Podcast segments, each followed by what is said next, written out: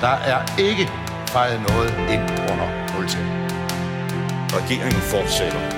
Derimod er det ikke nødvendigt, at statsministeren fortsætter. Der er ikke noget at komme efter.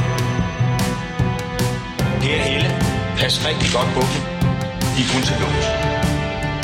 Fordi sådan er det jo. Ja, jeg kan bare sige, at der kommer en god løsning i morgen. Velkommen til Ministertid, programmet, hvor en forhenværende minister interviewer en anden forhenværende minister. Mit navn er Simon Emil Amitsbøl Bille. Jeg er tidligere økonomi- og indenrigsminister, men det skal ikke handle om mig. Det skal derimod handle om dig, Frode Nør Christensen. Velkommen til. Mange tak. Havde du øh, forberedt dig grundigt på at blive trafikminister eller minister for offentlige arbejder, som det hed dengang? Absolut ikke. Det kom virkelig øh, som en, en overraskelse for mig. Jeg, jeg, jeg var der hjemme om morgenen i familien, skulle drikke vi morgenkaffe, og så siger jeg, nu rejser jeg lige til København. Altså, jeg tager det første fly, for så kan jeg nu hjem til aften. Jeg skulle over forberede en rejse til, til Grønland ugen efter, jeg var formand for Forsvarsudvalget i Folketinget. Og, og jeg stikker afsted mod København for at komme hjem, og der var jeg forestående fødselsdag for Henriette, og din datter? Ja, så jeg måtte jo, og så skulle jeg rejse til Grønland på, men man siger jo, at Folketinget holder sommerferie, men det gjorde jeg absolut ikke. Og så kom jeg til Christiansborg, og så var der en lille opgave, jeg skulle løse for gruppens vegne, og der ved to-tiden ringer jeg lige ud til Erhard Jacobsen for at, at få konfirmeret, at vi kunne afholde en udgift. Som var formand for dit parti, Centrumdemokraterne. Ja, det var han. Og han var revnende ligeglad med den der udgift, som, som gruppen, jeg har påtaget mig på gruppens vegne. Tværtimod sagde han til mig, du skal lige vide, at uh, Melker går af her om et par timer. Han er, om lidt er han i statsministeriet. Og så, så um, måtte jeg jo forberede mig på det. Så siger jeg, jeg bliver lige overtager hundevagten i aften, for journalisterne kommer jeg op på sekretariat eller sådan noget.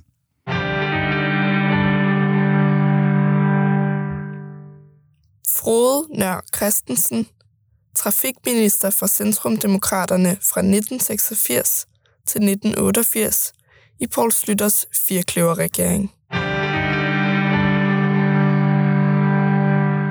I sensommeren 86 kommer Rigsrevisionen med en skarp påtale af trafikminister Arne Melchers håndskrevne bilag til officielle middage, også i eget hjem. Det fører til en mediestorm, og Melcher ender med at trække sig fra ministerposten.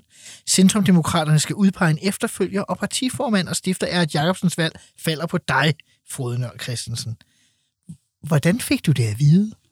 Jamen, det får jeg jo at vide på den måde, at Arne Melk, jeg får at vide af Erhard, at, at, øh, at Arne han går tager i statsministeriet, eller er i statsministeriet, og så skriver jeg et trøstende brev til ham. Til Arne Melcher. Og, og vil, gå over og aflevere i statsministeriet. Det er anden salgshøjde, jeg har kontor på, og går derover og møder to journalister lige uden for finans, øh, finansudvalget. Og de spørger mig, hvad laver du her? Og jeg har sagt til dem, hvad rager det egentlig ja. Men, men jeg er jo et høfligt menneske og siger, at jeg skal over i statsministeriet med et brev, for vi skal jo spare. Jeg vil ikke sige noget. Fordi vi skal hvad? Vi skal spare. Okay. Altså, jeg, Altså i stedet for at sende, ja, så, gik jeg- du selv. Jeg vil ikke fortælle, at jeg skulle over og aflevere det til Arne Mælk. Jeg har på vej til at gå af. Og så går jeg tilbage igen og har lovet at tage vagten i, øh, gruppen.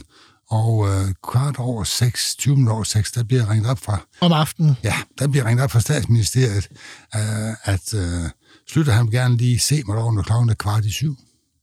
Og jeg tænkte, han er jo et rart og høfligt menneske. Det er jo, når han nok gerne fortælle gruppeformanden, eller det var jeg på det tidspunkt. For Centrumdemokratens ja, folketingsgruppe, ja. Ja, og øhm, han vil nok gerne fortælle mig som fungerende gruppeformand, at, at øh, hvem der nu er blevet minister. Og jeg kom derover, og han lod mig så vente til lidt over 10 minutter over syv, og så kommer jeg ind på hans kontor, og så siger han, sid ned, og så siger han, jeg har lige meddelt dronningen, hendes majestæt dronningen, at du skal være den nye minister for offentlige arbejder. Som man kaldte trafikminister på Ja. et tidspunkt. Og så svarer jeg tilbage, når, ja, når du allerede har meddelt dronningen det, så kan jeg jo ikke tillade mig at sige nej. og så grinede vi lidt af det, og slutter han fortalte lidt om, hvad det vil sige at være minister. Så ville han ud ordne papirerne. Og så kom han tilbage, så fik vi også en, en, sådan en brunlig væske, som man drikker over i Skotland. Sådan lige til at slappe lidt af på. Aha. Kom, for nu skulle jeg ud fra glasdøren og møde en håb af journalister. Det er jo egentlig lidt specielt. Øh, Jeg tror, du er næsten er den første af de minister, jeg har haft, og det er nogen af 40, der har været i studiet nu, Jo, øh, der ikke har fået det videre din partiformand først. det fik jeg ikke. Det gjorde du ikke.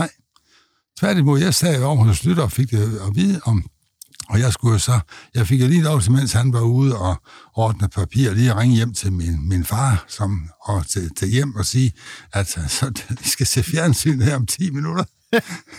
og øh, så gik jeg ud til glasdørene, og sku- skuffelsen var enorm. Der stod ikke en pressefotograf, ikke en journalist. Nå, Nej, for der er jo sommerferie på Christiansborg, og ingen anede, hvor at, at jeg var derinde og så videre. Så jeg gik måske 25-30 meter hen ad gangen, men så kom de. så kom de stormende. Og så var vi over på mit kontor i to timer. I to timer at tale med journalister der. Ja, Eller hvad? de skulle tage billeder, og der skulle jeg skulle svare på spørgsmål. Og så er det faktisk lidt sjovt der, fordi øh, på et tidspunkt blev jeg træt af det, for at sige det rent ud. Ja, Det kan jeg godt sige, det er så mange år efter. ja, ja. Og så, gik, så siger jeg, nu skal jeg lige klare et lille ærne. Og så gik jeg hen mod herretoilettet, som om det var der, jeg skulle hen. Men det, jeg kunne se, at elevatoren var i brug. Og så vendte jeg mig om, og så sagde jeg lige et øjeblik, jeg skal faktisk lige også fortælle noget. Og ud af elevatoren kom Mogens Rubinstein med et tv Og TV-avisen. og mig ind i elevatoren, og så forsvandt jeg ud i byen. Okay, Og så må de jo lede efter mig ude i byen. Og de ledte hele aften, men ved du, hvor jeg var? nej. Jeg tog hjem til Moella, hjemme på Bensonsvej, der hvor jeg var logeret, når jeg var i København. Okay. Og vi fik en kop kaffe og endnu en whisky. Men hvornår, jeg kan ikke lade være med at spørge lidt til Ja, det, jeg spurgte ja, om før. ja. Hvornår talte du så med dine partifælder omkring øh, udnævnelsen? Jamen, det gjorde jeg ikke den aften. Det gjorde jeg først dagen efter, Okay. da jeg kom ind på Christiansborg, fordi øh, jeg indrømmer, at jeg fik ikke sovet meget den nat. Jeg var Nej. begyndt at reagere, selvom jeg ikke har været hos majestæten. Men øh, jeg tog tidligt ind om morgenen, og der var de jo både fra norsk og svensk tv og dansk tv og Norddeutscher Rundfunk og alt muligt andre. Aha.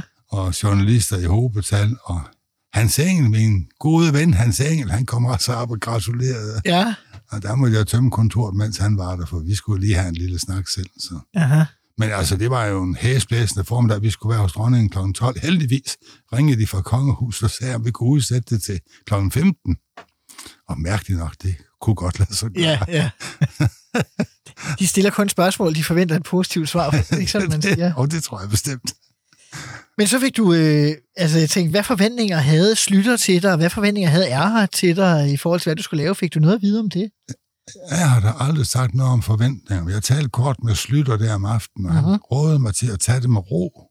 Og så opfordrede han mig til ikke at lave for meget øh, sådan om i ministeriet, gå over og ændre, hvis jeg havde nogle ting, men tag det med ro, og prøv, om vi kan, du kan få lidt mere ro omkring ministeriet. For der havde jo været, unægteligt været meget en uro.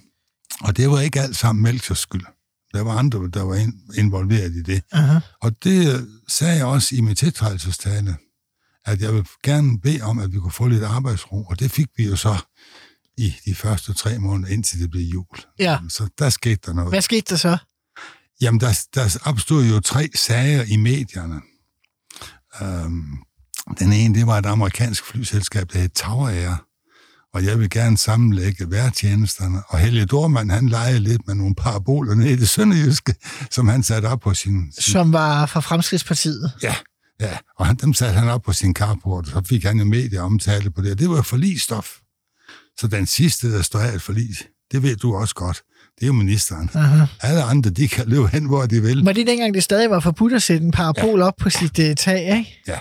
Og med den, de tre dele, det blev en mediestorm. Og det blev sandelig også en mediestorm, for Slytter ringede over til mig og bare vred. Altså sådan, ikke sådan, han skældte ud og råbte, men jeg kunne mærke på ham, at han var knotten, så Aha. over, at øh, jeg ikke ville åbne op for Air, at de kunne lave billige rejser. Men det kunne jeg jo ikke gøre, for så ville jeg ødelægge SAS. Mm-hmm. Og det blev faktisk en, øh, det blev faktisk en lidt hård diskussion mellem ham og mig. Aha. Og øh, til sidst, så må jeg sige til Slytter, jamen altså, jeg vil hellere fyres af dig, end jeg vil fyres af Folketinget. Okay. Så vred blev jeg, fordi øh, jeg sagde til Slytter, det kan jo ikke hjælpe noget, at, at hvis jeg gennemfører det der, så vil et flertal i Folketinget jo fyre mig, for så, så angriber jeg jo SAS, og det havde jeg jo ingen interesse i. Så blev han godt nok lidt stille, Slytter, Men jeg tror, jeg er en af de få, der har overlevet det, for så begyndte jeg at forklare, hvad det, hvad det, hvad det ville komme til at betyde Ja. for SAS. Ja. Vi har jo skandinavisk luftfartssamarbejde med Sverige og Norge, som alle jo ved. Og, og, og hvis vi ødelægger, sådan at vi lader amerikanerne flyve billigt hos os, og de ikke giver noget til gengæld, det, det, med alle de penge, der er i luftfarten, det kunne aldrig gå. Aha. Det vil jeg ikke slippe levende fra i Folketinget. Det, det, Nej, og det tror jeg egentlig også er slutter. Så vi så var færdige, og jeg havde haft tid til at forklare mig, så besluttede jeg, så var han jo den rigtig dygtige og gode statsminister, han jo var. Så sagde han, ved du hvad, sagde han, du fører fortsat regeringspolitik, også på luftfarten. han, var, det var en, meget fint. han var en dygtig og en rar statsminister. Aha. Jeg skal lige høre også, altså hvad tænkte du egentlig i forhold til det med at blive trafikminister, eller minister i det hele taget, på baggrund af en partifælde, der ligesom kommer ind i en mediesag og pludselig øh, øh, træ, må trække sig. Altså, det må være sådan lidt specielt. Hvis du havde, øh, hvis du havde set det brev, jeg sendte til Arne Melke, så vil du, øh, så vil du forstå, at jeg var ked af det. Jeg var selvfølgelig glad for at blive minister, det vil jeg ikke nægte. Nej, virkelig. Men jeg vil unægteligt gerne. Det har været på noget anden baggrund. Øh, Og jeg havde ondt af Melker, fordi han blev jo ikke retfærdigt behandlet. Og så skal jeg fortælle dig, talrige af de journalister, der i de kommende måneder kom til mig og sagde, vi var for hårde ved Melker. Aha. Vi skrev alt for meget om ham. Vi var negative i, i vores beretninger. Og hver eneste gang, jeg lægger hånden på både Bibel og grundlov på, at jeg svarede hver eneste gang, gå hjem og skriv det i din avis, eller send det i din radio, Aha. eller i tv, Ja. ja. det nu var, hvor de kom fra. For det giver jeg ikke så meget for sådan noget. Jeg synes, det, jeg synes, det er billigt. Ja, De skulle i stedet for at gå hjem og sige, vi var måske nok lidt for hårde ved Melchior. aha. Kunne bare have nøjes med at sige lidt for hårde, for sige, så ville alle jo forstå, hvad de mente med det. Ja. Og for de var for hårde og urimelige ved Melchior. Aha. Men det kan man også, jeg har læst hans erindring, og jeg kan godt se, at det også påvirker ham meget. Jeg har også haft din, øh, eller jeres øh, partifælle Tom Højem i studiet tidligere, som var ja. Grønlandsminister. Ja, Og han øh, siger faktisk, at en af de ting, han fortryder meget, det var, at han rådede Melchior til at trække sig i situationen. Ja. Og det er han virkelig, virkelig øh, faktisk har været ked af nærmest lige siden. Men Ja, jeg har, jeg har også vendt det med, med lidt med her, det der med, hvorfor Arne han, han valgte at trække sig. Det, det var altså fordi, men jeg tror egentlig, at Erhard han på det tidspunkt var lidt bekymret for partiet også. aha, fordi Erhard går offentligt ud ligesom og siger, ja, at, øh, ja. at det er kritisabelt, ikke? Ja, ja. Og han, han, han var bekymret for, for, for hvordan CD's fremtid var. Der var jo det der med Storbælt også, og der var jo en kæmpe Det, kom, mod... det kommer vi til. Jamen, der var en kæmpe modstand imod Storbælt. Aha, aha. Altså i befolkningens, altså i de der undersøgelser, der var. Hvordan blev det modtaget af systemet? Altså embedsapparatet derovre? Jamen, jeg, jeg blev vældig godt modtaget. Uh, Jeg kan sige allerede om... Min departementchef var ikke hjemme om mandagen og tirsdagen, der var han på, i- på rejse i udlandet.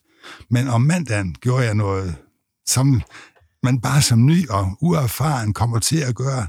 Jeg ringede til min sekretær fra Forsvarsudvalget, det var Mogens Elming. Altså for Folketingets forsvarsudvalg? Ja, han var sekretær for mig i Forsvarsudvalget. Ja. Og bad ham til te eller kaffe kl. 14 om eftermiddagen. Aha. Og vi talte sammen i en tre kvarter, og så siger Mogens, som det høflige, dannede menneske, han er, nu kan jeg ikke tage mere af ministerens tid, så nu skal jeg gå. Og så gik vi hen til døren, og lige da han rækker hånden frem, så siger jeg til ham, og for resten, når du nu kommer tilbage til Folketinget, så gå lige op til Hjortdal. Som var direktør for Han var, Folketinget. han var direktør for Folketinget, og sige til ham, at du skal begynde herovre hos mig som min sekretær til den første. Det, er den, e- det er den eneste gang, hvor jeg har set Mogens Elming, han tabte under kæben. Aha. Jeg har haft ham som, som sekretær i Forsvarsudvalget, og sidenhen som, som ministersekretær. Det var den eneste gang, hvor han mistede fatning. Aha. Ja. Ej, det var da også en sjov måde at lige øh, Ja, få fat i ham på. Han gik hjem, og han ringede lidt senere over og sagde, at, at han kunne godt få lov at blive minister. Hvad sagde departementchefen til, der var blevet ansat folk i ministeriet? Jamen, uden, det, øh, det, det er jeg frygtelig glad for, at du spørger om, for han var en tordensky, da han kom tilbage. Aha. Og øh, der, der tog vi vores første tur. Vi var ikke sådan de gode samarbejdspartnere de første tre måneder. Det var en... Øh, Nej, vi en tog hård en tur, for han, ja, fordi han kom ind til mig, og, og han skal selvfølgelig forbi forkontoret for at komme ind. Men han kom så ind og bankede op pænt på døren, og mens han gik hen imod skrivebordet, så sagde han til mig, er det en politisk ansættelse? Og så gik fru Nørs, Fordi det måtte man jo ikke. så gik fru Nørs til tider lidt livligere temperament jo lige i funktion, og meddelte departementchefen, at den slags spørgsmål bryder jeg mig ikke om, Og så længe jeg har noget at skulle have sagt her i huset, så ansætter vi kun efter kvalifikationer. Så blev han stående der. Han blev ikke engang budt til at sidde ned. Men, men det er der ikke noget at gøre ved. Det har han selv bedt om. Aha. For jeg blev vred over det, fordi Ja. men det skal siges, at øh, om at, at tre uger senere, da vi drak kaffe, det gjorde vi hver onsdag eftermiddag, øh, der sagde han, at jeg vil gerne, tre uger senere sagde han, at jeg vil gerne komplimentere med valg af sekretær. Okay. Han har jeg opdaget, at Mogens var fantastisk dygtig.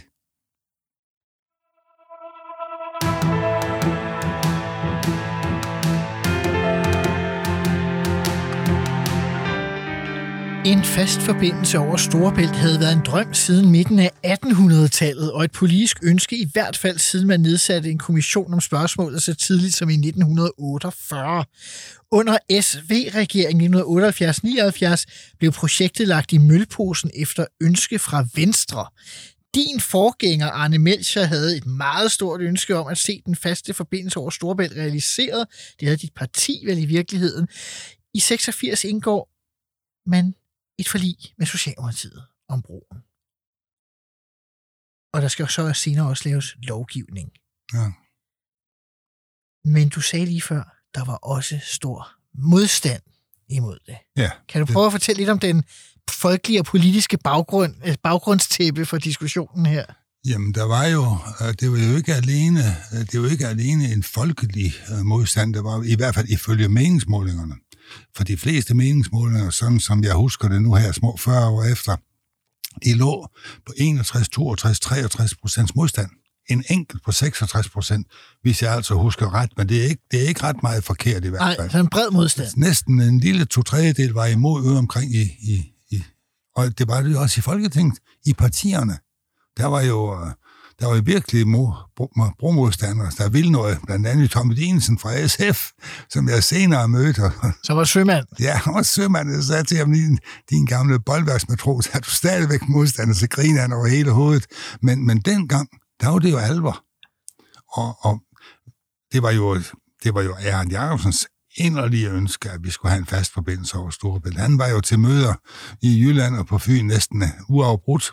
Jeg var træt af at tage med færgen. Ja, han ønskede sig inderligt, og, der, og det var blandt andet derfor, at Melker skulle være trafikminister. Det var for at komme i gang med det der. Jeg ved godt, at andre har ønsket at, at få æren for den faste forbindelse over Storebælt, og det er jeg egentlig lidt ligeglad med, fordi sejren har jo altid mange fædre. Sådan er det. Og nederlaget. Ja, og nederlag, der er der travlt ved håndvasken. Aha. Den, den sang kender vi godt. Men, men altså, jeg, jeg, jeg, jeg engagerer mig voldsomt i det, og har jo også, mens Melker arbejdede med forlistoffen, der er engageret i det, for jeg var lidt hans bydreng i nogle sammenhænge, hvor han bad mig om at, at tale med den og den, eller lige... Altså for de andre partier. Ja, og andre ja. partier på, påvirker og går rundt lidt til amter og kommuner, og hvem det sådan ellers er rundt omkring. Øh, Okay. Og det, det, var, der, det nød jeg at, at tale med, med rigtig mange mennesker om, der argumenterer for en fast forbindelse over Storebælt. Um, der, jeg har ikke spildt et minut med det. Det har været en meget kæmpe glæde Aha. at arbejde med det, fordi øh, da jeg stillede op som folketingskandidat, der havde jeg de der, at den faste forbindelse over Storebælt, sikring af den jyske vestkyst fra Ringkøbing og så op til, til Thyborøn. Og det var noget, jeg utrolig gerne ville, og så ville jeg også gerne have en øget ambulancebetjening i det vestjyske. Aha. Det var Så det, det var en af dine tre mærkesager, Ja, det var det man bestemt. engagerede dig i politik. Ja, det kan jeg love for, det var. Og, Men i, hvis vi lige går over til Folketinget, ikke? det er jo kun Socialdemokratiet, I laver aftalen med. Altså Ja. det er firekløver regering, så Ja. det er jo selvfølgelig fem partier i ja, alt. ja, Men der er både Fremskridspartiet, Radikale og SF, og hvad der nu måtte ja, øh, ind og ud være på den yderste venstrefløj, VS og fælleskurs, og hvad det nu er. ja, ja, ja. Så, så, så det er, I samler jer på midten, men der er alligevel øh, en hård modstand, også internt i, Jamen, i det er S, der. ikke? Jamen, det er der, der, er der så hård en øh, modstand internt i partierne, at, at jeg blev der ringet op aftenen før afstemningen i Folketinget, og fik at vide af, af Ivar Hansen fra Venstre, at øh, Som var gruppeformand. han var gruppeformand for Venstre på det tidspunkt. Det var han jo i mange år. En rigtig, rigtig dejlig mand at arbejde sammen med. Aha. Uh, han ringede til mig og sagde, du kan tage det ganske roligt. Dem, der ikke stemmer for den faste forbindelse over Storebælt i morgen, de, de er tidligere medlemmer af Venstres gruppe. Sådan blev det sagt. Og jeg ved, den samme besked blev givet i Socialdemokratiet, at uh, det, det her, det står vi sammen om.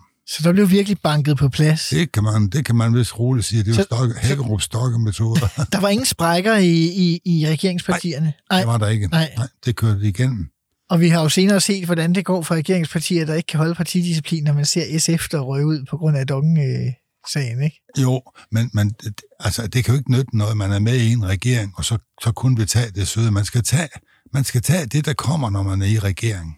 Så vidt jeg kunne læse mig til, så når I kommer med lovforslaget, Ja. så har I faktisk ikke lagt jer fast på, hvordan den østlige del af Storebæltsforbindelsen skal være endnu. Øh, Jo, nej, der kommer forliget, da forliget kommer. ja. Øh, det skal man ligesom finde ud af, tror jeg, i din tid med Socialdemokraterne. Jamen, der var, der, gør. der, var forskellige, der var forskellige ting, der var på bordet. Og det, det gik jo så, som det nu ligger i dag. Der blev, det blev ordnet der. Og så var der en lille ting også med, med Vestbroen. Jeg tror, der var der kom en anmodning om at hæve Vestbroen med en meter eller halvanden eller sådan noget lignende. Altså man ville Ja. nogle lystsejlere, der ikke ville ud at- de vil ikke ud og sejle i det, der hedder separationen derude i, i, altså i der ved broen går, hvor det er meget, meget dybt. Og hvor de store skibe... Ja, der vil de helst ikke ud og sejle, og det, det tog jeg en sondering om med J.K. Hansen fra Socialdemokratiet, Der var tidligere minister. til, tidligere minister for offentlige arbejder. Og han gik og tykkede lidt på det, så holdt vi et møde på et tidspunkt med Svend Augen, hvor han var med. Aha. Hvor jeg var ved at sondere, for jeg var egentlig ikke i tvivl om, at regeringspartierne, de kunne nok, skal vi sige, bankes på plads. Men jeg holdt det møde der med dem, og det, var, det viste sig at blive et rigtig godt møde. Fordi Svend Augen på det møde jo netop kom til at sige, at man kan jo ikke sætte nogle bropiller ned, uden at det påvirker gennemstrømningen af vand og sådan noget. Det var jo, det er sådan, du ved, det havde jeg lært på det tidspunkt. Aha. Da der, jo- da der gik sådan nogle minutter bagefter, så noterede jeg det ned på et stykke papir, fordi det var jo nyttigt at have. Ja, senere. ja. Der blev stillet de mest utrolige spørgsmål. Blandt andet et spørgsmål om, hvordan den faste forbindelse over Storbælt ville påvirke vandgennemstrømningen mellem Langeland og Fyn. Okay. og jeg ringede til den pågældende, der stillede et spørgsmål, sagde, om ikke vi godt ville fri for at svare på det, for vi kan jo ikke give et fornuftigt svar. Det, det kunne jeg. Kunne du så få lov til at slippe? Eller? Nej, Nej. men så, så vidt, jeg, nu kan jeg ikke huske det så mange år Nej, nej. siden, men svaret var noget med, at det ville påvirke vandgennemstrømningen med 0,004 promille, eller sådan noget. Altså, Okay, altså noget, der stort set simpelthen var Ja. ikke målbart. Aha. Men så har den pågældende der fået svar. Sådan var der mange spørgsmål, der blev stillet i det hele taget om den fast forbindelse over Storbælt. Men da vi først fik lovforslaget frem og lagt det frem i Folketinget, så var der så stor enighed, at vi blev enige om, at den dag, den gik igennem Folketinget, der ville vi ikke tage ordet. Ingen af os ville sige noget. Altså de fem partier, der Ja, stod bag. ingen af os ville sige noget. Og så må jeg godt sige, nu er det så mange år siden, ikke? Og jeg beder om tilgivelse for det. Men det kom jeg desværre til at viske til Arne Melka. Og så gik han på talerstolen. Nå for pokker. Jeg gik op og sagde, tillykke Danmark, og roste han den faste forbindelse over Storbælt. Så det var... Så han gik ligesom op og Ja, ja. apropos Ja. fædre og mødre. Det, det, det er, hvis, hvis du vil spørge mig, om jeg har lavet nummer i Folketinget, så er det det værste, jeg har lavet. Men hvad med, øh, påvirkede det egentlig øh, diskussionen om Storebælt, dit forhold til Radikale og, og Fremskridspartiet i øvrigt? Nej, overhovedet ikke. Nej. Nej, slet ikke. Altså, der var, jeg havde et, rigtig godt samarbejde med, med, med især det radikales uh, Jens Bilgaard Nielsen. Ham sætter jeg stadigvæk meget stor pris på. Og, men det påvirker mig ikke. Det påvirker mig til gengæld at være ude til møderne rundt omkring. For Ja. det, det, det, hvad jeg blev udsat for, der, det, den For- fast, for- for- den fast, jamen, det vil jeg gerne fortælle. Jeg var engang- på Sevel Kro i min egen valgkreds i det vestjyske. Og der øh, holdt jeg et indlæg, og hvor jeg fortalte om fast forbindelse over Storbælt, og det sprogbrug, der blev brugt inden kaffen, med at det var, jeg var løgnagtig og utroværdig og uhederlig og alt muligt andet. Altså, så sagde jeg, da vi har drukket kaffe, så sagde jeg til mødelederen, at, øh, fordi det var sådan en sammenslutning af foreninger, der har samlet os på Sevlen Kro, så sagde jeg til ham, jeg skal lige ud og vaske mine hænder. Men du skal vide, at hvis den tone her, den fortsætter efter kaffen her, så går jeg. Så går jeg min vej. Det vil jeg ikke finde mig i. Og jeg var meget vred og også noget skuffet, for det var i min egen valgkreds. Ja. Og øh, han, så havde han jo lejlighed til at kunne sige lidt til forsamlingen. Ja, ja. Og det her må han jo åbenbart have gjort, for det blev mildere derefter. Det gjorde det. Men det er alligevel voldsomt, at du siger, i din egen valgkreds Ja. i Vestjylland, Ja. der er de simpelthen så hissige over en bro mellem Fyn og Sjælland. Ja. Altså, hvad, jeg lige vil sige, hvorfor betød det så meget for folk i Vestjylland? Jamen, det, det forstår man jo ikke. Det forstår man jo ikke, men jeg tror nok, dengang var der sådan en tendens til, at man følte sig forfordelt. Altså, vi har jo ikke noget kongeligt teater og alt det der, men det kan Aha. man jo heller ikke have. Og mit svar, det var jo altid, nej, det gør heller ikke så meget. Vi har jo den dejlige natur, vi har Vesterhavet, og vi har, altså, vi har den natur, vi har det barske. Det er jo, altså Vesterhavet og Vestkysten, det er jo fantastisk. Mit første tur til Torsminde, der, der jeg blev politimand i Holstebro, så der var et forfærdeligt stormvejr, nærmest orkan, og så mødte jeg en fisk, og så sagde det er da frygteligt, som det, det stormer der. Så sagde han, det, det blæser 360 dage om året, og så er det stormvejr i fem dage.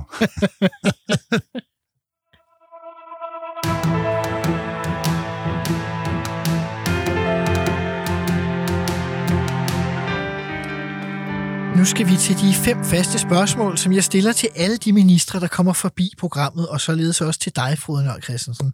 Det første, det hedder, var der noget, du gerne ville have gennemført, som du ikke nåede i din ministertid? Ja, øh, jeg ville forfærdeligt gerne have, altså ikke som minister, jo som minister ville jeg forfærdeligt gerne have gennemført sammenlægningen af, af værtjenesterne i Danmark. Jeg synes, det var en, en politisk opgave, der da jeg fandt ud af, at DMI, eller værtjenesterne, det lå ind under ministeriet. Når man er helt ny, så ved man jo ikke det hele. Nej. Men, men uh, og jeg havde jo også... Så det opdagede du først lidt efter, du var blevet Ah, det var et par dage efter. Nå, okay. Ej, jeg vidste det godt lidt, men, ja. men altså, jeg, jeg ville så gerne lægge det sammen. Altså, hvad, hvilke ja, fordi det, jamen, altså, det er jo egentlig noget pjat, at vi har civile, vi har luftfart og forsvar har det, altså vi har DMI, fordi det handler jo kun om at samle nogle data sammen. Aha. Det, det er jo ikke andet, det handler om. Det kan man lige så godt gøre et sted. Ja. Det, sådan, sådan synes jeg jo. Ja, ja. Men, men uh, min gode ven Jens Birger, han vendte tommelfingeren ned, og så, så gav jeg ikke arbejde. Hvorfor med. gjorde han det? Jamen, hvorfor gjorde han det? Jeg fik egentlig aldrig noget svar ud af det. Uh, for, fordi jeg kunne ikke komme igen med det, det blev bare lukket ned. Okay. Og sådan er det jo med sager. Ja, ja. At det bliver, der bliver bare sagt, det kan vi ikke. Og det, det kan, der kan være mange, mange ting i det, men hvis man siger nej på den måde, der, så vil jeg ikke bruge tid og spille ressourcer i ministeriet på at finde argumenter frem og sådan noget. Fordi sådan et nej, det er markant. Og når det er så markant, så bliver det ved det. Okay. Ja. Hvad var din ministertids værste øjeblik? Jamen, det var jo nok, øh, det var jo derop til jul i, i 86, hvor de der tre sager blev rejst. Aha. Øh, det altså det med parabolerne og... Ja, og, og, Tau, Tower er... Ja, Tower er, som vi talte om tidligere. Ja, og så, øh, så hvad hedder det, øh, værtjenester. Aha. Nej, det var ikke, det var parabolerne, ja. ja. Men det, det var den værste tid, fordi det kom lige op til jul, og, og jeg blev hængt ud som... Og så lang tid har du ikke været minister? Nej, men det er jo den her tre måneders regel, de har journalisterne. Aha, 100 dage, siger man. ja, og jeg, jeg, jeg oplevede altid noget sjovt. Altid noget sjovt. Men så stod jeg jo derinde og skulle ud som, som easy. Folk, han sagde, at du skulle ud til ulvene. De stod jo for at vente. Aha. Så, så, så kiggede han sådan på mig, så da jeg stod hen ved døren, så råbte han. Rød råbte han så. Husk nu at se lidende ud. så man ikke øh, ja, virkede for arrogant. Så, så gik jeg udenfor, og så så jeg lidende ud, og så begyndte sådan ligesom lidt at, at tage af. Men det, det blev ved, altså. Og jeg var på forsiden med, med nogle aviser. Og, jamen, altså, altså, jeg, jeg, jeg grinede sammen med Isi Folkel, fordi der blev lavet en undersøgelse, og vi stod der og drillede hinanden, for jeg sagde til, det glæder mig, at professoren er dårligere og ringere end mig i den her uge. Men vi var jo sendersvis skat og trafik. Minister. Ja. Han var skatteminister for ja. konservativ, ja. og det kan jeg love dig i de år der, med, du ved, med Glistrup.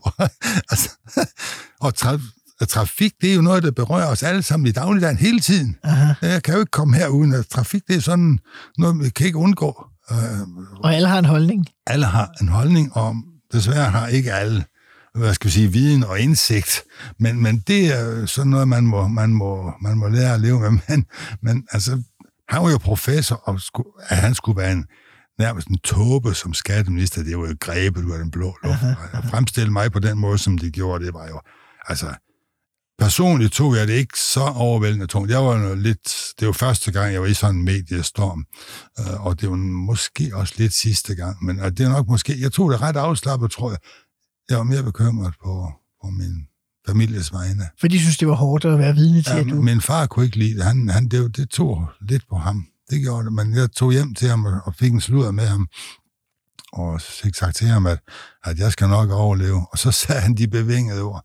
Ja, sagde han, men hvis jeg, han var jyde. Hvis det, de navn, den stod så ville jeg tro, det var der, de skrev om, sagde han. Det er jo en kompliment ja, ja. ja. sin far. Ja, Meget bestemt. fin kompliment. Der er en anden øh, sag, som øh, vi har talt lidt om, nemlig at du i efter du, det kan vi komme tilbage til senere, men du bliver valgt til Europaparlamentet ja. på et tidspunkt, men der får du noget at vide, som måske, om ikke er din ministertids værste øjeblik, men noget, der måske ikke var så fantastisk alligevel, selvom det er efter, at du var minister. Ja, det var grim. Det var meget det var direkte, øh, direkte ubehageligt. Aha. Det, øh, jeg går en aften nede i Bruxelles Lufthavn sammen med Erhard Jacobsen, Som også var medlem af Europaparlamentet. Ja. og vi, han, for han fløj for en gang skyld. Hvorfor ved jeg egentlig ikke. Han plejede hvad? Han plejede selv at køre eller Ja, toget. han elskede jo at køre bil. Ja, han elsker at køre bil, han elsker at køre tog. Men, men vi fløj sammen den aften hjem af, og vi har haft en større diskussion i gruppen derinde, altså debat. Øh, Og så, I hvilken gruppe, undskyld? i- vi var medlem af den kristne demokratiske Nå, gruppe. I, I Europaparlamentet, ja. Yes. Og så fulgtes vi af til lufthavnen. Vi gik selvfølgelig og talte sammen, eller ret sagt, det var nok, det var nok Erhard, der talte. Men, og så passerer jeg forbi den norske medarbejder der, og han har åbenbart hilst på mig. Jeg så ham ikke. Så kom han løvende tilbage og stoppede mig og sagde, goddag, goddag, jamen, er, er du vred på? Du så mig, du hilste ikke, sagde han. Så sagde han, nej, det er bestemt, nej, vel. Hvem det? Kan vi tale sammen, sagde han så. Aha. Jamen, det kan vi godt. Da har du noget at fortælle? Jamen, han vil gerne fortælle noget fra... Og vi har jo problemer med at få lov til at flyve ruter ud af Jylland fra Billund. Ja, Det har jeg rejst som et problem, fordi det synes jeg, det var, at jyderne skulle flyve til København for at komme tilbage, og Jylland kom Ja. til England. Det passer ikke rigtig mig politisk i hvert Nej. fald.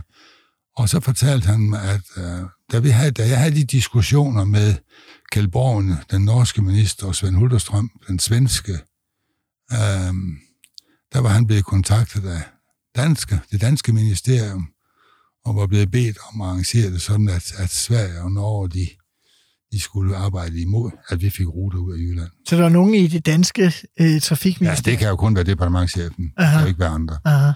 For ellers så kan man jo ikke gøre sådan noget. Så, Ja, og det, øh, jamen jeg var sådan lidt, som lidt i chok over det, fordi det, var, det er jo en illoyal handling. Og øh, ja, han siger så til mig, da vi bliver alene, du ved da godt, hvad du skal gøre i morgen, ikke? jo, det er jeg ikke i tvivl om. Så jeg ringede til, til statsministeriet dagen efter, og, og gav meddelelsen om og sagde, at der kommer ikke noget på tryk, men I er velkommen til at ringe til Jan Jacobsen og få det bekræftet. aha. Og så gik der derfra tre-fire uger, så blev han forflyttet, skal vi sige det sådan. Til hvad? Kan du huske? Jeg tror, han blev kommitteret på et eller andet område. det Men, det, men det, det kan jo ikke være anderledes. Det kan vi ikke leve med sådan noget. Nej, Og det er, og det, vi har jo, vi har jo her i Danmark... men nu er I jo, I var jo ikke regeringsparti længere, så Nej, det er nej. alligevel øh, meget... Øh, Jamen, det kan jo ikke nytte noget. Det, Nej. der, der, må- der må man... Altså, han var jo under mistanke, da jeg var der. Ja. Jeg kunne ikke forstå, at det hele... Og jeg har jo lige stillet det spørgsmål der. Har de søgt om at, fly, at flyve udenom København fra, for eksempel fra Malmø eller Göteborg eller Stavanger? aha. Det vil jeg gerne have svar på. Det, det ville tage lidt tid at få svar på, fik jeg at vide. Ja, det var igen en undskyldning. Ikke? Aha. Så det, det, det, det var så mange ting i det. Og, men politimanden, som jeg jo er, jeg skulle jo stå med beviset. Ja, Og det fik jeg så først, Først senere, ja. i, Bruxelles. men det lyder jo som et afsnit af den britiske tv-serie Yes Minister, ikke? Altså, hvor man... Nå jo, men, men jeg er da ikke bedre som minister. Hvis de ville snyde mig, så kunne de da sagtens gøre det. Det er der ikke noget. Men, men mistanken havde jeg allerede Aha. der. Det, det kan hver ministerium kan snyde hver minister, hvis det er det, det går ud på. Men sådan foregår det ikke, mine damer og herrer. Jeg kan sige, det er, vi har i Danmark så dygtigt et embedsværk, øh, som desværre fra tid til anden får skæld ud for både det ene og det andet, og det er altså ikke rimeligt, fordi de er blevet udsultet i mange år, også med gennem besparelser, også Udenrigsministeriet. Og det, det, det, det bryder jeg mig ikke om. Vi skal have et rigtig godt øh, central administration. Det er meget, meget vigtigt. Det er også vigtigt for politikere. så de får en ordentlig rådgivning og, og, og så videre. Ja. Vi skal videre til næste spørgsmål, som næsten er at vende det om. Ja. Er der noget, du er flov over fra din ministertid? Nej, det, det, det var da... Du må ikke stille sådan nogle spørgsmål. Hvad skal jeg dog svare til? Nej, flov over det, det... Jo, det er jeg egentlig. Når jeg nu sådan, havde jeg bare vidst det på forhånd, så kunne det være at komme i tanke om noget mere. Men jeg er faktisk øh, flov over og ked af, at jeg ikke kom over og besvare spørgsmål i Folketinget. Og, Hvad betyder det? Ja, det betyder, at jeg jo stillede et spørgsmål i Folketingssalen, og jeg mødte ikke op. Nå, det er jo, det er jo en despekt over for Folketinget. Ja. Og mig, der er parlamentets vogter, når, blandt alle ypperste, der forsvarer Folketinget, ingen over, ingen ved siden af, det er jo selvfølgelig en fejl i administrationen, Aha. og de har ikke uh, fået det besvaret, og har ikke fået det skrevet i kalenderen. Der var simpelthen, man har bare klumret gevaldigt i det. Men jeg fik min sekretær til at skrive et lynhurtigt brev, og så nærmest løb jeg over i Folketinget og afleverede det til Svend Jacobsen. Han sad i stolen på det Ja, tidspunkt. som var formand for Folketinget. Og, og der kan jeg love dig for, at der så jeg lidende ud. Og han kiggede jo stramt ned på mig. Og så sagde han senere til, sagde han senere til mig, da jeg mødte ham ude på gangen, jeg er ikke så stram, som jeg så ud til inde i salen. Så han, han, han kunne jo godt forstå. Fik du så lov til at besvare det alligevel? Nej, Nej. Det, det blev så skriftligt besvaret. Okay. Det- Nej, det kan man ikke. Hvis man har været forsømmelig over for Folketinget, så har man bare at lægge sig fladt ned som minister. Også selvom det, det var jo egentlig ikke mig, der har, har glemt det, vel? Altså, men, men sådan, er, sådan er reglerne. Ministeren er jo ansvarlig for det, der Jeg, sker. ja, netop. jeg bærer altså de gyldne kæder der, og det er mig, der må lægge mig det fladt på navlen og sige, det er undskyld og beklager jeg mig, det her. Har du nogensinde lavet en stor rævekage, så? Nej, det kan man garanti sige, det har jeg aldrig gjort. Aldrig nogensinde. Jeg, og jeg hader, når nogen laver rævekage. Det, det, det bryder jeg mig ikke om, for det, er- det er ikke, så er man ikke ærlig. Og jeg har altid selv forlangt, at man skal være ærlig. Og det er jo noget af det, der er trådt ud af Folketinget på, på tidspunkt. Jeg trådte ud midt i en periode, for jeg har jo dobbeltmandat, både som europaparlamentariker ja. og medlem af Folketinget. Øhm, det var noget af det, jeg lagde stor vægt på, der blev sagt til og om mig. At øh, jeg kunne godt være lidt, lidt hård i mit sprog, og lidt hård i en forhandling og sådan noget, men altid fair og ordentligt. Og kunne tale med også øh, gode kollegaer, som desværre kom til at være også lidt optræde lidt forkert over for mig. Det, det, det, det, jeg tror nok, at, at jeg godt kan tillade mig at sige, at i de sager, der var jeg lidt storsindet, fordi man vinder jo ikke noget ved at gå rundt og være sur og hade eller på nogen, fordi det, så får vi jo ikke bestilt noget. Nej. Vi skal jo bestille noget, vi skal jo se at finde sammen igen. Jamen, øh, det fører måske så videre til det femte og sidste spørgsmål. Ja. Hvem var din værste kollega? Åh, oh, værste kollega. Altså, jeg mødte jo desværre, må jeg sige, øh, jeg mødte mig en misundelse, fordi jeg fik nogle knaldgode valgresultater. Øh, jeg mødte mig... Altså personlige stemmetal. Ja, Ja. jeg fik jo frygtelig gode valgresultater. Øh, Pastor Søren, som derhjemmefra, som min, min præst, han sagde engang til min far, at øh, far han sagde, om jeg håber, han kan blive genvalgt, så sagde Pastor Søren, en gang vestjydernes tillid, altid vestjydernes tillid. Og sådan var- gik det. Sådan, var, sådan gik det. Og jeg fik jo gode valg. Vi havde et gruppemøde en gang, hvor man roste Erhard helt op i skyerne, for han havde fået 9 procent i, i stemmerne i, i Frederiksborg Amt. Og der havde jeg heldigvis lige fortalt en af de andre i gruppen, at jeg havde nået 9,1 i Ringkøbing. Og det, det tillod han sig så at sige. Ja. Og det, det var en, øh, det var lidt skuffende, så holdt man op med at tale om det. Altså, var det, Ja, ja, det var- er, er der ikke kunne lide det? Eller hvad? Nej, nej. nej, nej okay. Han, det kommer vi lige til, Ja. ja. fordi da vi var ba- færdige bagefter, så sagde han, ja, at han trak mig lige i ærmen, så sagde han, det har jeg altså overset, sagde han. Og det var hans måde at komplimentere mig på. Men, i gruppen sådan generelt. Nej, men jeg synes ikke, der var nogen... Men siden du siger, at, øh, at, Jamen, der var var- misundelse, ja, eller hvad? Jamen, der var nogen, der sådan... Da jeg blev valgt til Europaparlamentet, det tog lang tid, og nogen gratulerede ikke engang med valget og sådan, og det var, der, det var jeg lidt skuffet over, også fra landsorganisationen. Der, det var det, man reagerede ikke. Det var jo højst, højst overraskende, at jeg blev valgt til Ja, Europaparlamentet. fordi I fik to mandater ved valget i ja, 89, Og, og jeg stod hvilket var meget for et parti CD's normale folketingsstørrelse, for at sige det afgjort. sådan. Ja, jamen, bestemt. Men, men jeg stod jo som nummer fem på listen. Jeg var selvfølgelig nummer et, så stod foranværende minister Arne Melker, foranværende minister Tom Højem, og så landsformanden for CD også. Og Altså, Ejo Andersen? Nej, Eller hvad? Ja, det var han ikke endnu. Du tog på det tidspunkt. Ja, okay. Han, og så stod jeg som nummer fem. Men, men Vestjyderne var så flink til at stemme på mig, at jeg fik flere personer, end de tre fik til sammen. Aha. Det skal siges, at Arne Melker, han var altid, som altid korrekt.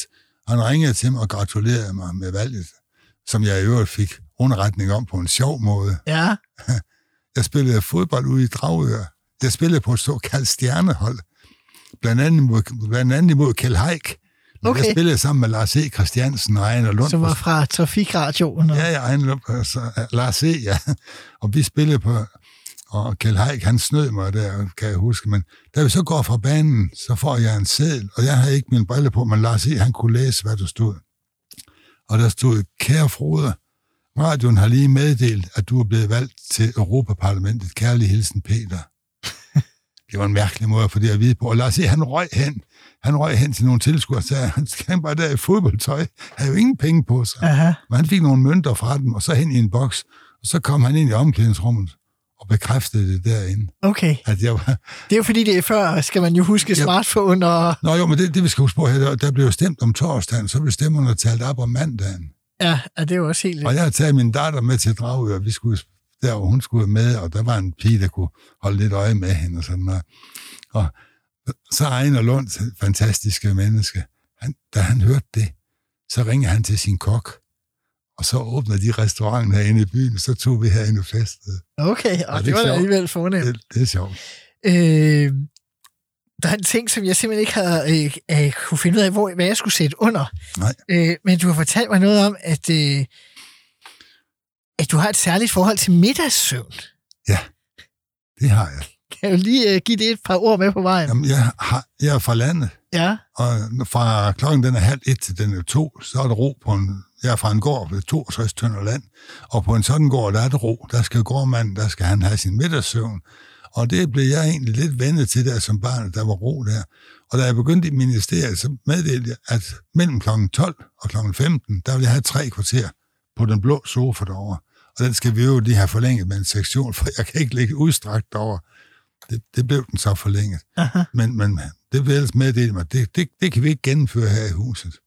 Men det blev gennemført. det blev gennemført. Jeg, jeg har altid hvilet mig om middagen. Men dengang var det, da jeg blev minister, var det jo, var det jo rigtig vigtigt, fordi men mange gange var man jo ude til middag om aftenen, Ja, og ambassadørtid eller sådan pli-tid, det er jo kl. 23. ja. Og så går den fineste gæst, det er jo som regel ministeren. Og så, så det, det bliver jo sent. Ja. Når man så, jeg begyndte altid kl. 8 på kontoret. Senest.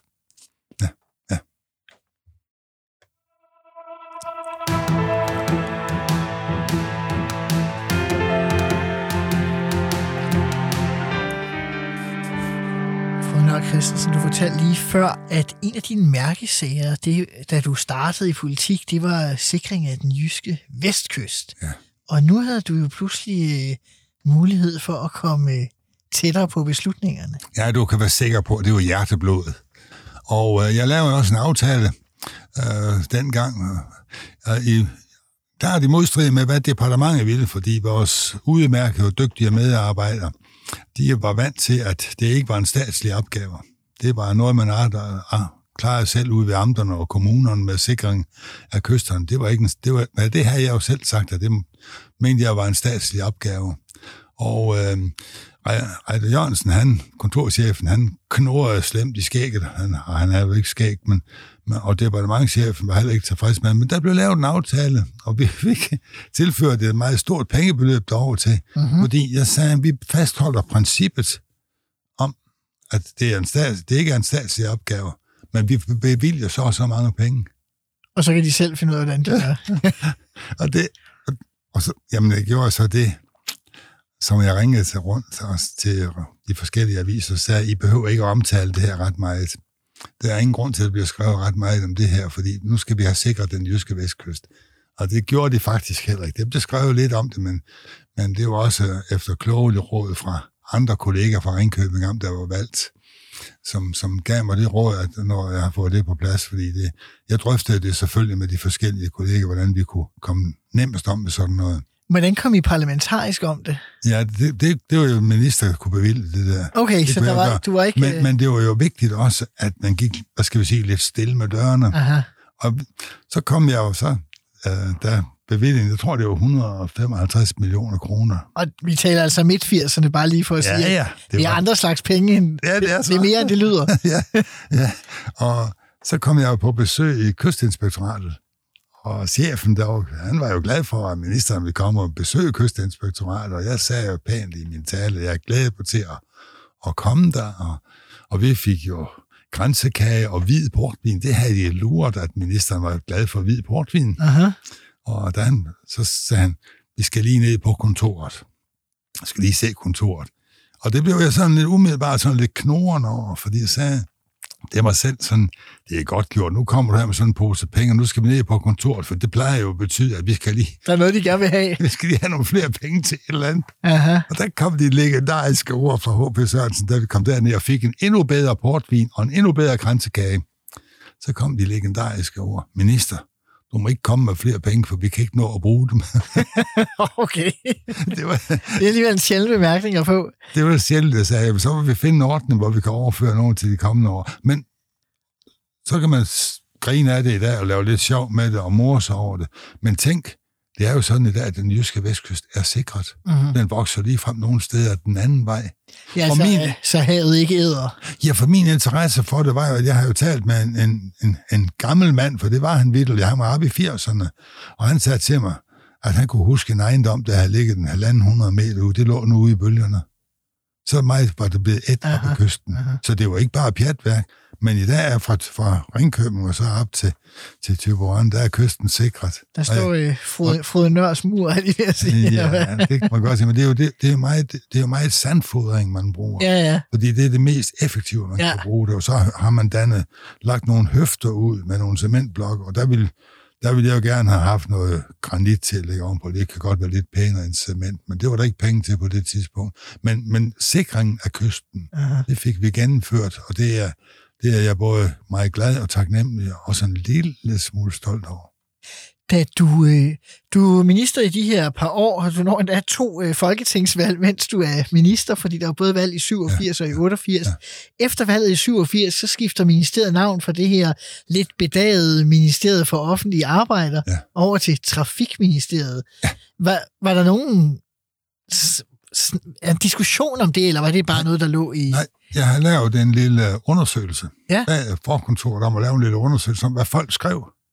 Om de skrev Ministeriet for Offentlig Arbejde, de skrev Trafikministeriet. Ja, Og det var jo et kæmpe flertal for Trafikministeriet, så det, det fik jeg sådan præget til statsministeren, at ikke vi kunne komme til at hedde det der, i 87. Og det vi så lavet om til Trafikministeriet. Det blev senere lavet om til transport, transport? Ja. Transportministeriet. Med, men det, der var jo der var jo nogle muligheder for at komme igen med det, fordi det var jo, det var jo et årti med store bevægelser. Det var jo, man kaldte det jo fat i 80'erne. Ikke? Men det var jo, det var jo 80'erne. Jeg, jeg har altid sagt, for mig er 80'erne, det, det var jo, der var jo en righoldighed i beslutningerne, som jo betød utrolig meget, som kom til at række årtier frem. Aha. Det, det, må, det må man sige. Den her, det må Altså de økonomiske genopretning, tænker du, og Ja. Storebæltsforbindelsen og mange andre ting. øh. Ja, altså blandt andet her med, med kystsikring og med Storbæltsforbindelsen, som er direkte med mig, men, men prøv en gang, og dem, der kan huske det, øh, så startede det jo med, at man der i, i, i 82 op, der, op dispenserer man, man fra den automatiske dyrtidsregulering. Ja, så man prøvede at bekæmpe inflation. Ja, ja, Ja. Og så kommer der skattereform 1, og så kommer der kartoffelkur, og så kommer der skattereform 2, og så, og så begynder man på arbejdsmarkedspension, jeg tror det var 87 eller 88, hvor man også samtidig øh, afskaffer den automatiske dyrtidsregulering. Det har jeg jo haft lejlighed til at gå og følge en del over på Christiansborg, mens jeg var Aha. der også, fordi Erhard Jacobsen, han havde jo besøg af mange mennesker fra de faglige organisationer. De kom jo hos ham, Ja. fordi øh, der var jo stor tvivl om, hvorvidt man kunne bevare reallønnen. Og, og, og, den, Og det er jo det afgørende. ja, ja, det er jo da sandelig det afgørende, for så, det er med konkurrenceduelighed. Men, og der havde man jo haft en kolossal modstand i Thomas Nielsen. Han var, var den tidligere LO-boss. Og ja, han var jo ikke så god ved Anker Jørgensen, som Meget han skulle have været. Fordi, skole, ja. nej, men han gjorde jo... Anker Jørgensen var jo en, egentlig en, en, en god statsminister, en dygtig statsminister. Altså, han, havde, han var jo den, han var. Men, men, men han, han blev jo blokeret en del der. Men det lykkedes jo så her i 80'erne, og det er derfor, jeg siger, at det årti, hvor jeg, man så må sige, topper, ikke, og politisk og kommer helt op øh, i, i det øverste lag, der, øh, det er nogle, nogle kolossalt spændende og interessante år, fordi der sker noget, og det har jo ret frem helt til nu.